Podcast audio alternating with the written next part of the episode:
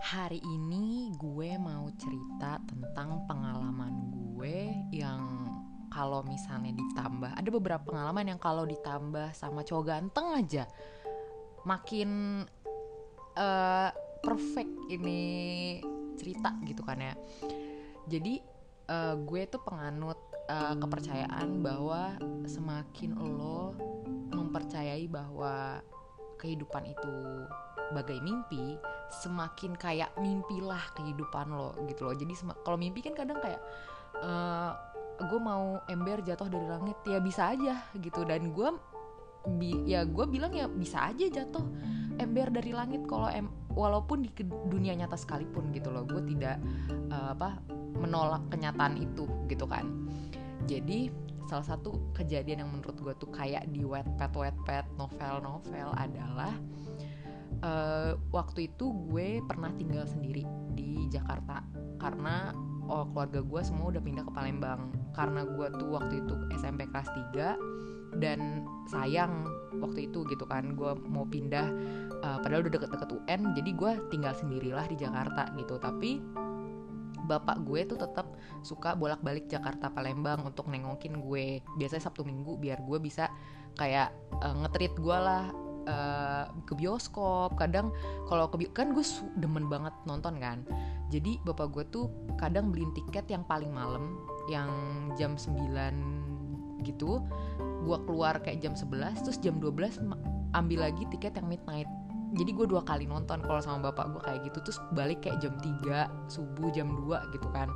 Dan waktu itu posisinya gue lebih sering nonton di Plaza Senayan gitu terus suatu malam udah beberapa kali gue pergi sama bapak gue karena kan gimana ya namanya anak ala-ala kosan kalau nggak ada bapak gue gue tuh nggak ke mana-mana. Jadi bapak gue merasa kayak anak gue masih SMP dan masih butuh uh, di manjain gitu. Jadi gue dimanjain lah sama bapak gue. Jadi gue tuh bisa kayak beli apa pun yang gue mau gitu kalau bapak gue ke Jakarta gitu kan.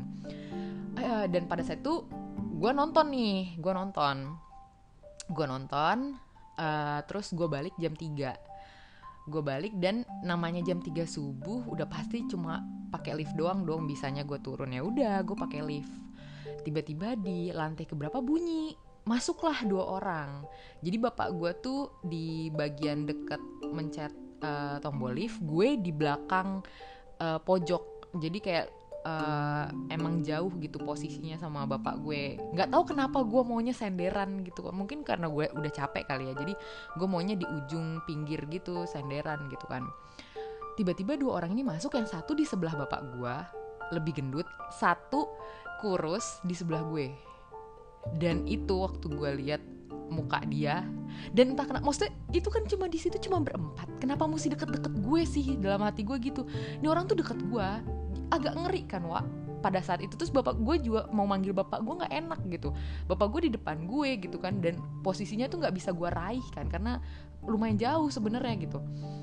Pas gue nengok nih siapa sih nih orang? Gue ngeliat kayak gimana sih walaupun lu gue kan demen banget nunduk ke bawah kan dari dulu sampai sekarang pun gue demen banget. Karena malu gitu entah kenapa gue tuh demen banget ngeliat lantai gitu kan terus berasa ada yang ngeliatin gue. Jadi ya gue tengok lah sebelah gue siapa gitu kan. Pas gue tengok astagfirullah masya allah. Itu ganteng banget demi apa pun. Itu ganteng banget.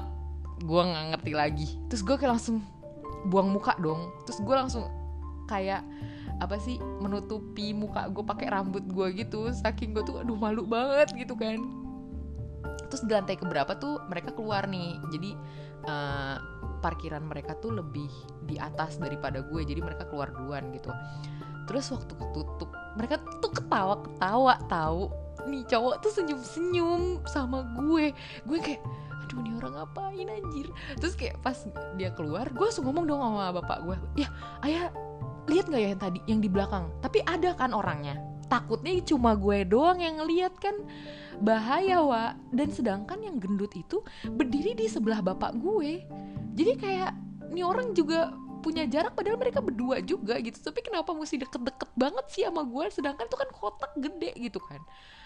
Terus bapak gue bilang iya lihat kok emang ada dua orang kok bi tenang aja kata bapak gue gitu. Tapi ya nggak lihat mukanya sumpah ya ganteng banget sampai gue gituin. Terus kata bapak gue enggak nggak lihat aduh ya sumpah ganteng banget sampai saat ini. Gue nggak tahu tuh orang siapa dan sumpah tuh orang ganteng.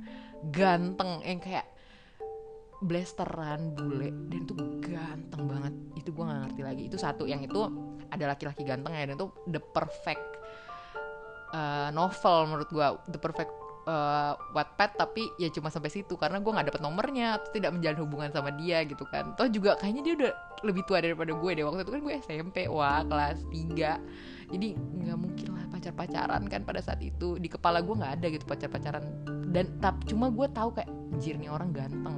Dan tuh orang tuh senyum senyum ngatin gue dan ngatin gue mulu. Jadi kan gue kayak aduh gue malu gitu.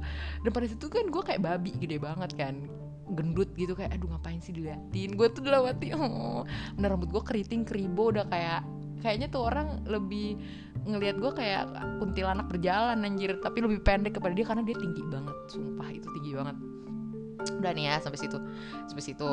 Cerita kedua gue itu uh, gue tuh selalu penasaran sama rumah di Pondok Indah yang di dekat bundaran mau ke Trogong. Mungkin lu semua pada tahu kali yang ada uh, iklannya gitu loh rumahnya. Iklan gede banget di situ. Pokoknya ada deh yang deket uh, apa um, stop polisi itu loh ada tempat polisinya gitu di situ.